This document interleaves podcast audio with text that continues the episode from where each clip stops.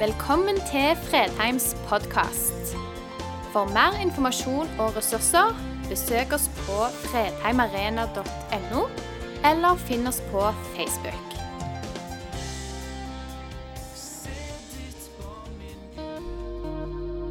Har eh, Anne Lene kanskje forvirra oss litt i dag med forskjellen mellom visjon og misjon. Men hun har helt rett hun følger boken bokstavelig. Og det liker vi her på huset, at vi følger boken bokstavelig. Men det som på en måte står der som en sånn som gir gjenklang, og som fyller de fleste som har gått på Fredheim en stund, det er den lengselen, den drømmen, det, det målet at mennesker må få øye på Jesus. Det er ikke så viktig med oss, men de må få lov å se Jesus og bli kjent med han.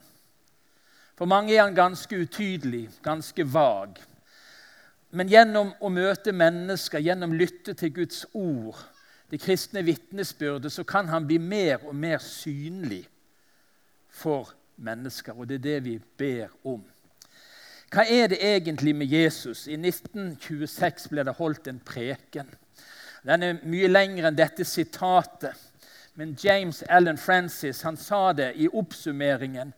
Jeg overdriver ikke når jeg sier at dersom man legger sammen alle hærer som noen gang har marsjert, alle flåter som noen gang har blitt bygget, alle parlamenter som noensinne har blitt samlet, og alle konger som noensinne har regjert, så har de ikke påvirket menneskets liv på jorden så mye som dette ene livet Jesus. Den personen som bare i en kort tid, noen få år, var på den offentlige scenen, har definert historien, omdefinert historien. Det er ingen andre mennesker, ingen institusjoner, som kan måle seg med Jesus-innflytelsen. Og da kan vi lure litt på hva er det da med oss? Vi som er her på Fredheim denne søndagen. Hva er det som gjør at vi ofte er så forsiktige, enda til flaue, over at vi bekjenner Jesus? Eller er det bare meg som er sånn av og til? Er alle dere sånn at med en gang du ser et ufrelst menneske, så hopper du på dem og sier du må gjøre det, 'Jeg vil gjøre Jesus synlig for deg'? Sannheten er at mange av oss altfor ofte trekker oss tilbake. Og så er vi litt beskjemma, kanskje. Jeg leste en gang i en kontaktannonse i Dagbladet Ikke misforstå meg nå. 'Jeg er kristen, men det merkes ikke på meg', sto det. Ja. Jeg vet ikke om det Det var noe som kremta veldig dypt her, men det var ikke det som var målet. Hvorfor virker det av og til så lett i hermetegn å forlate troen i møte med nye miljø eller kritiske spørsmål? Hvorfor blir vi ofte så famlende når Jesus kommer på banen? Og hvorfor har vi så lite frimodighet? Han som er historiens si, midtpunkt, uansett hvem du sammenligner med. Og så er det så utfordrende for oss. Denne uken har jeg lest mer enn vanlig når det gjelder sånn kristelig teologisk litteratur. Jeg vil anbefale to bøker. 'Skeptikerens guide til Jesus' nummer én og nummer to. Skrevet av Stefan Gustafsson. Det er 400 sider cirka, i to bøker som for meg ble wow. Og Nå kunne jeg tenkt meg å preike gjennom disse 400 sidene, og da vet du, da blir det langt ut på ettermiddagen. Men jeg kjenner av og til på utfordringer i forhold til troen. Er det troverdig? Er det å stole på? Hva sier forskningen? Og Noe bedre har ikke jeg lest om Jesusforskningens troverdighet enn de to bøkene. Jo, jeg har lest én bok som er bedre, og det er den. Så du får altså tre bokanbefalinger i dag. To bøker som handler om kristne apologetikk, eh, Bibelens troverdighet, Jesushistoriens troverdighet, og så sjølve boken. Så skal ikke vi si så mye mer om det akkurat nå, men dere skal få en del sitat. Teksten er den samme som forrige søndag. Da Jesus kom til distriktet rundt Cesarea Filippi, spurte han disiplene sine, 'Hvem sier folk at menneskesønnen er?' De svarte noen sier døperen Johannes, andre Elia og andre igjen Jeremia eller en annen av profetene. Og dere, spurte han, hvem sier dere at jeg er? Da svarte Simon Peter, du er Messias, den levende Guds sønn. Jesus tok til orde og sa, 'Salig er du, Simon, sønn av Jonah, for dette har ikke kjøtt og blod åpenbart deg, men min far i himmelen.' Forrige søndag så handlet det om hvem vi sier at Jesus er for oss. I dag så skal vi dvele litt i innledningen med dette. Hvem sier folk at Jesus er? Hva sier folk? Albert Einstein må vel kanskje ikke sies å være sånn som folk flest. Men han rager forholdsvis høyst i historien som en av de som har påvirka, og som ennå påvirker gjennom sitt intellekt og kunnskap. I et avisintervju så sa han, ble han spurt i hvilken grad er du påvirket av kristendommen. Som barn fikk jeg undervisning både i Bibelen og Talmud. Jeg er jøde, men jeg er fascinert av den lysende skikkelen fra Nasaret. Du aksepterer altså at den historiske Jesus har eksistert. Uten tvil. Ingen kan lese evangeliet uten å kjenne Jesu virkelige nærvær. Hans personlighet pulserer i hvert ord. Ingen myte er fylt av et slikt liv. Og Hadde vi hatt god tid, nå skulle vi sagt litt om disse anklagene om at Jesus er bare en myte. Historien om Jesus er en myte. Men Jesus-historien er alt annet enn mytelitteratur og mytehistorie. Mytene, Hvis du leser de forskjellige mytene fra gammel, antikk tid, så vil du se at de er skrevet annerledes. De er helt løsrevet fra historisk kontekst. Jesus plasseres inn i historien på et tidspunkt, på et geografisk sted. Det nevnes et utall av mennesker som var rundt Jesus. Sånn beskrives aldri en myte. Men du vil lese og du vil kanskje møte mennesker som sier nei, men det er Jesus, det er bare en myte. Det er bare det at Jesushistorien er helt annerledes. Jaroslav Pelikan, eller Pelikan, det kan ikke jeg si, det var et koselig etternavn. Eh, en kjent historiker på Yale University i USA han sa det. Uansett hva noen personlig synes eller tror om ham, så har Jesus fra Nasaret vært den mest dominerende skikkelse i den vestlige kulturens historie i nesten 2000 år. Uansett hva folk måtte mene, uansett hva de måtte tro.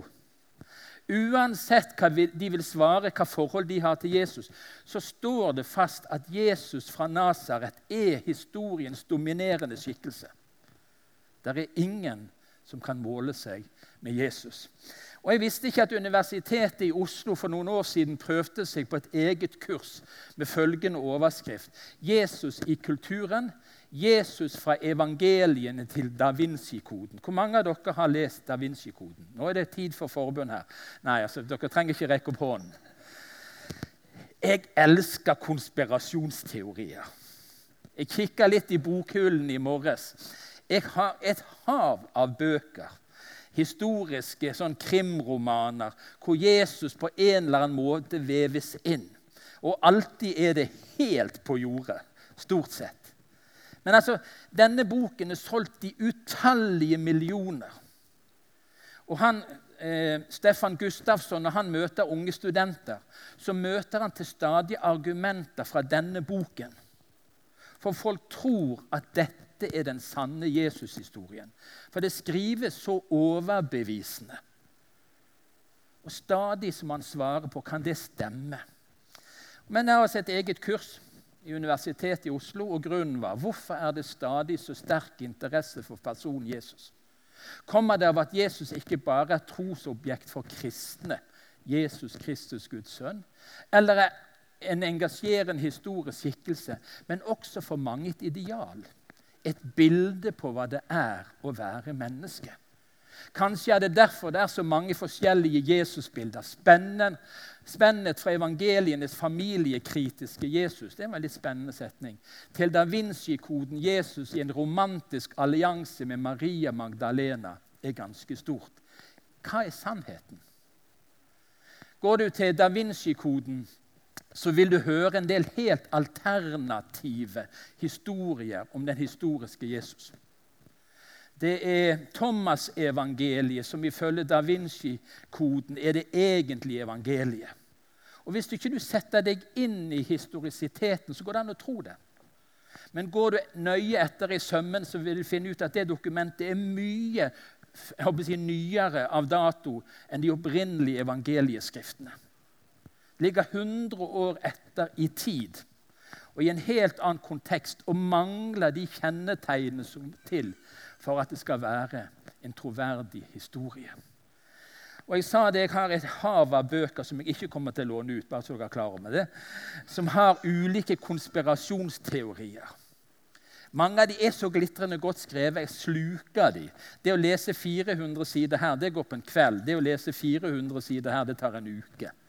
For det er teologi. Det går annerledes. Men det er så mange alternativer til Jesus-historien. Hva sier folk? Et veldig sånn vanlig norsk fenomen det er at Jesus, ja, men Kirken. Mange har et positivt forhold til Jesus. De er begeistra for hans nådige, omsorgsfulle måte å møte mennesker på, hans evne til å inkludere. Og de ser på han som et stort ideal. Hadde alle bare vært som Jesus, de glemmer det at Jesus sa ganske dramatiske, sterke ting. Det plukker de bare vekk. For da ryker liksom den snille Jesus-figuren. Men kanskje Kirken, vi, av og til står i veien. Der er tusenvis på tusenvis av skrifter, av små eh, utdrag fra de opprinnelige evangeliene, skriftene om Jesus. Er historien om Jesus troverdig? Har han i det hele tatt levd? Og Både på 1700-tallet, 1800-tallet og på 1900-tallet, langt inn i teologiens verden, var det mennesker som stilte spørsmål med om Jesus har levd. Eh, og Mange populærbøker skriver om det. Og Du vil finne det fra andre kulturer at Jesus er bare en mytisk figur som noen tror på i kraft av noe andre har sagt. Han har aldri levd. Men har han levd? Bart Ehrmann, en veldig kjent bibelforsker som regner seg som agnostiker, nærmere ateist. Så det er hans bakgrunn for å forske på Bibelen. At en agnostiker, eller han sier om seg sjøl er nok nærmere ateismen når det gjelder min trosholdning. Han sier Jesus levde. Og de høylytte personene som fornekter dette, gjør det ikke fordi de har undersøkt bevisene ut fra et historisk, saklig perspektiv, men fordi de har en annen agenda som denne fornektelsen tjener. Fra et rent saklig synspunkt har de levd en Jesus fra Nasaret. Og forskningen er så entydig, enten det er kristne forskere, ateistiske forskere, historikere Når de går tilbake i tid, så må de slå fast all kunnskap, erfaring og vitenskap sier der levde en person. Hvem han var, hva han gjorde, det er en annen sak. Om han er en frelser, om han er Gud, det er en annen sak. Men at Jesus har levd, er det ikke tvil om i det hele tatt. Hvem var han? Og Der er det veldig mange spennende ting å lese i litteraturen. Eh, da Vinci-koden, eh, Dan Brown, han sier det at Jesus var en helt annen person fram til kirkemøtet i Nikea. Der ble han gjort til Gud. Der var det et konsil innkalt av keiseren som sa nå må vi få orden på teologien så vi står samla. Og så ble de enige om å løfte Jesus opp ved siden av Faderen. Han ble gjort til Gud. Og så tror folk det. Det bare er så langt fra sannheten som vi kan komme. Allerede hva han sa om seg sjøl. Les prologen i Johannes evangeliet kapittel 1. I begynnelsen var Ordet, og Ordet var hos Gud, og Ordet var Gud. Les hva Jesus sjøl sier. Vi kunne tatt fram et utall av sitat av kristne ledere fra 100-tallet, 150 år 200, lenge før kirkemøtet, som entydig bekrefter at de trodde Jesus var Guds sønn. Han ble ikke gjort til noe på et kirkemøte. Men helt opp i vår tid er det mange mennesker som tenker sånn, og tror at sånn er virkeligheten. Det stemmer ikke med historien. Og så kommer det noe som for alle og for mange av oss er en utfordring. Hva med oppstandelsen? Er det mulig? N.T. Wright, som regnes som kanskje verdens ledende nytestamentlige forsker, han sier det historisk sannsynlig, så høy at den er så godt som sikker, på nivå med Augustus' død i år 14 etter Kristus eller Jerusalems fall i år 70. Da skulle det ha vært et bilde til som er forsvunnet. Ok. Han går gjennom de historiske dokumentasjonene. Sammenligner med annen type historieskrivning fra antikken langt tilbake. Og så summerer han opp at forskningsmessig, historisk, så står Jesu oppstandelse som en påle bevismessig. Trenger vi tro det? Ja, vi tror det. Må vi vite det? Kan vi bevise det? Ikke matematisk at 2 pluss 2 er 4, men sannsynligheten er overveldende. Like så sannsynlig at Augustin døde i år 14 og Jerusalem falt for romerne i år 70 etter Kristus. Men hvem var han? Vi kan jo ikke stole på Det nye testamentet. Eh, og Langt innenfor teologiens rekker så har det vært stilt spørsmål med hva er sanne Jesus-ord, og hva er menighetsteologi som folk har putta inn i etterkant for å pynte på Jesus-historien. Saken er det at historisk sett så er Det Nytestamentet utrolig sterkt som et historisk dokument. Hvis du skal legge samme krav, kriterier, på forskning på andre dokumenter som du gjør på Det nye testamentet, så står eh, Nytestamentet historisk som en påle. Nå har jeg brukt det ordet to ganger. Ok da, Dere forstår det handler om at det står trygt.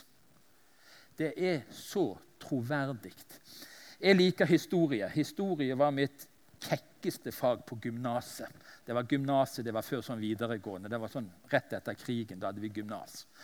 Og Historiefaget var helt fantastisk. Det å høre om hva som har skjedd, personer som har levd, hendelser som har forma vår tid og vår kultur. Og Jeg ante ikke da som 18-19-åring jeg eldste den historien, at det historiske dokumentasjonen for disse fantastiske personene var syltynt dokumentert.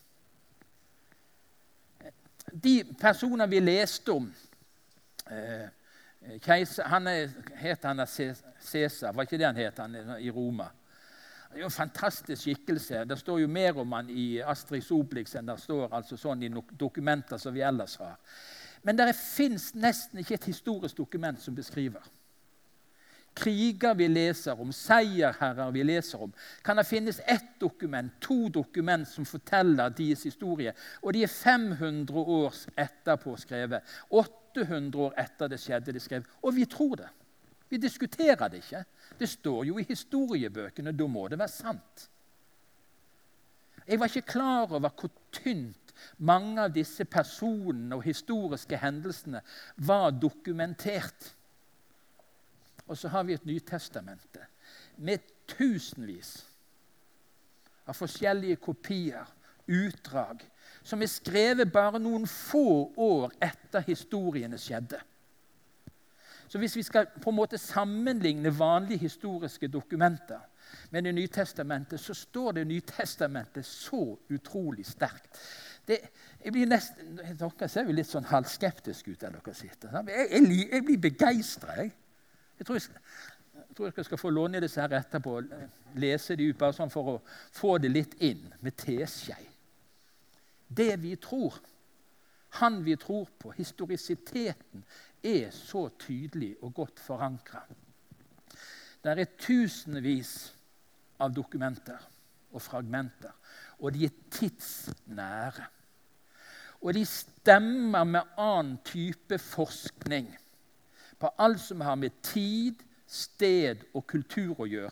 I en av disse bøkene jeg husker ikke hva, om bok én eller to, så skriver han om hvordan navnekulturen var på Jesu tid i Israel. Hva navn ble brukt, og hvor mange het det, og hvor mange het det. Og Så legger de matematikk på det, de som forsker det, så finner de at Nytestamentet stemmer med all annen litteratur. Det er akkurat sånn det var. Det bekreftes historisk at det de, de skrives ut fra en samtidsforståelse, en kultur, en historisitet som stemmer med virkeligheten. Det stemmer med alt annet som er skrevet og beskrevet fra den tiden.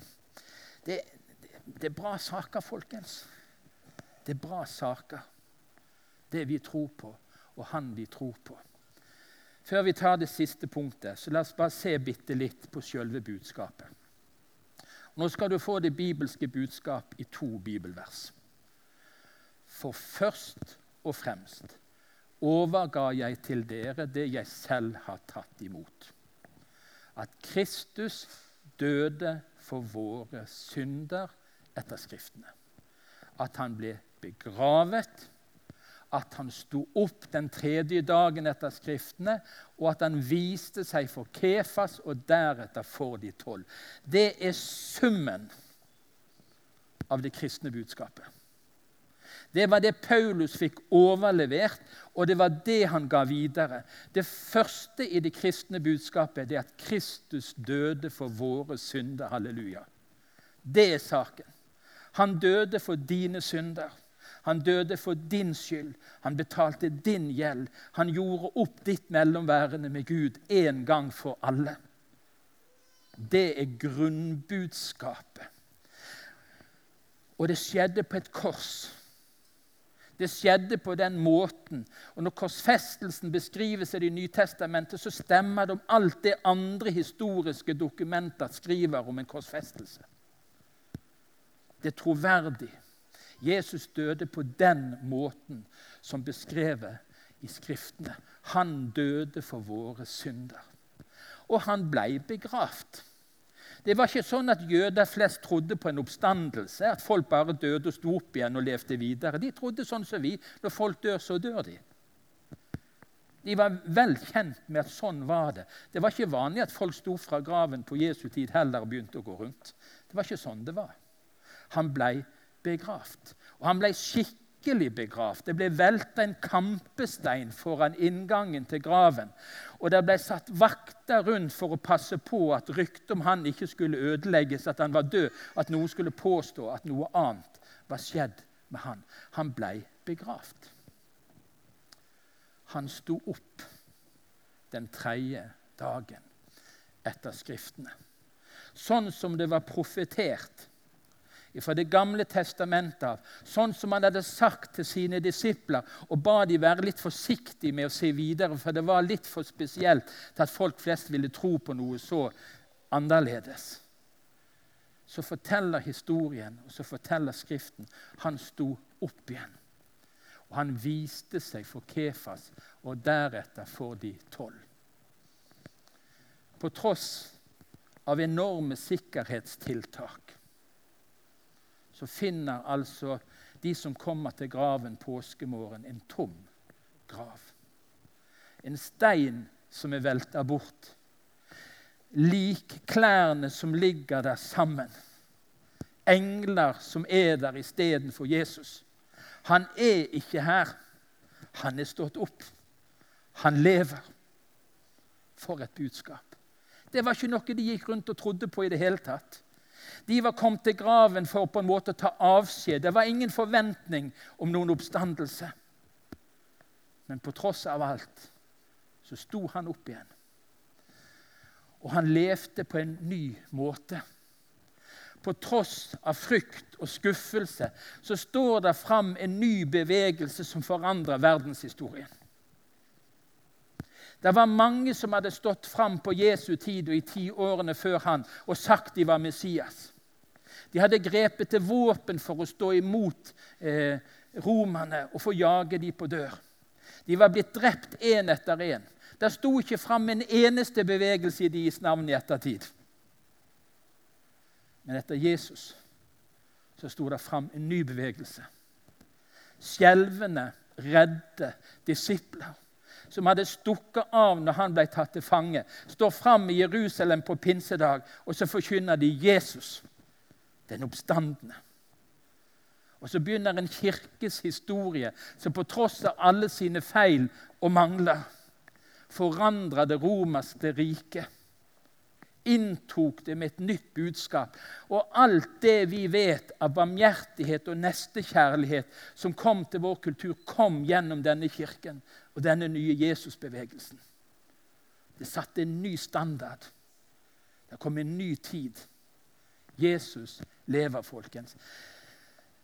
Ja, ja, ja. Pytt, pytt. Tror du det? Tror du det virkelig? at han lever. At disse her som hadde trodd alt håp var ute, de møtte han fysisk, og de ble forandra. Og én etter én var de villige til å gå i døden for han de trodde på. Peter, som hadde svikta så totalt, ble korsfesta opp ned i Roma fordi han ikke var verdig til å bli korsfesta på samme måte som Jesus. Ikke for en drøm, ikke for en myte, men for en oppstanden frelserfolk som jeg har møtt. Jesus lever, folkens. Jesus lever. Graven var tom, og flere møter fant sted, ikke bare mellom Jesus og hans etterfølgere, men også mellom Jesus og mennesker som ikke hadde vært blant etterfølgerne hans. Jeg mener at denne konklusjonen kan innordnes under følgende kategori historisk sannsynlig. Så har vi lest akkurat det tidligere. Og nå er vi her, i 2020, folkens. Det er snart 2000 år siden. Og Jesus-historien har ikke blitt stoppa. Den har spredd seg. Snart to milliarder mennesker bekjenner seg til troen på Jesus. I alle nasjoner, av alle folkeslag, selv om det ennå er noen unådde grupper innimellom så har Jesus-historien gått gjennom tiden fram til nå. I Johannes 12 leser vi det var noen grekere blant dem som var kommet for å tilbe under høytiden. De gikk til Philip, som var fra Betzaida i Galilea, og sa, 'Herre, vi vil gjerne se Jesus.' Tror du at du kjenner noen at du i løpet av din hverdag møter noen som har den lengselen. Jeg skulle så gjerne ha møtt Jesus. Jeg skulle så gjerne ha møtt Jesus. For noen år siden så tok en av kretslederne våre i gang en undersøkelse sammen med et sånn byrå i Norge for å høre hva, hva mener folk om bedehus og kristendom. Og Det var overraskende hvor mange som var positive både til bedehuset og det vi sto for. Problemet var at det var ingen som inviterte dem. Det var ingen som sto på innsiden av dette budskapet og trodde det, som vågte seg ut med det. Men mange av de som ble spurt, over 700-800 mennesker ble spurt, og de var positive. Vi har vært og er i en koronatid. I England så står det nå med store overskrifter at nesten halve London har vært på gudstjeneste i sommer. Det er veldig høye tall. Det er understatement. Det er, ikke, det er veldig høye tall. Og Det viste seg at når de undersøkte hvem som hadde fulgt digitale gudstjenester i London under koronatiden, så var det òg en stor overvekt av unge mennesker. Du, hva tror du? De vil se Jesus. De vil se Jesus. Saddleback Church, kjent kirke i Amerika, de jubla for kirkevekst i koronatiden. De hadde 45 000 følgere på nettet før koronatiden. Etterpå har de 100 000 følgere som følger gudstjenesten på nett. De har starta 3000 nye smågrupper, døpt over 1000 personer og registrert over 6000 nyfrelste mennesker i denne tiden. Hvorfor det? For folk vil se Jesus. Folk vil se Jesus. Han lever, skjønner du. Han lever nå. Og vi, vi som er her, vi har fått et kall, et oppdrag, om å gjøre Jesus synlig. Og I dag skal vi avslutte med profeten Jesaja. Et vers som jeg husker fra jeg var ganske liten, på søndagsskolen, fra ungdomsmiljøet. Opp igjennom tiden så har dette vært forkynt så mange ganger. Og Vi leser fra Jesaja kapittel 6, vers 8. Da hørte jeg Herrens røst. Han sa, 'Hvem skal jeg sende?' Og hvem vil gå for oss? Jeg sa, 'Send meg'. Det har vært min bønn for denne søndagen. At Herrens røst skulle ta, ikke min røst, men Jesu røst skulle treffe noen på Fredheim denne formiddagen. Som skulle høre det spørsmål som har gått gjennom Kirkens liv og historie hele tiden. Hvem skal jeg sende? Hvem vil gå for oss? De neste to-tre søndagene skal vi snakke om hvordan vi ut ifra vår personlighet, natur og nådegave kan dele Jesus' vitnesbyrde. Ganske konkret. Men i dag så er bønnen den du som tror. Du som tror at han døde for dine synder etter Skriftene. Du som tror at han sto opp igjen. Du som tror at han lever nå. Hvem skal gå? Hvem skal jeg sende? Hadde jeg vært om meg på forhånd, så hadde jeg bedt lovsangsteamet øve inn en ny, gammel sviske. Jesus, her er jeg. Send meg.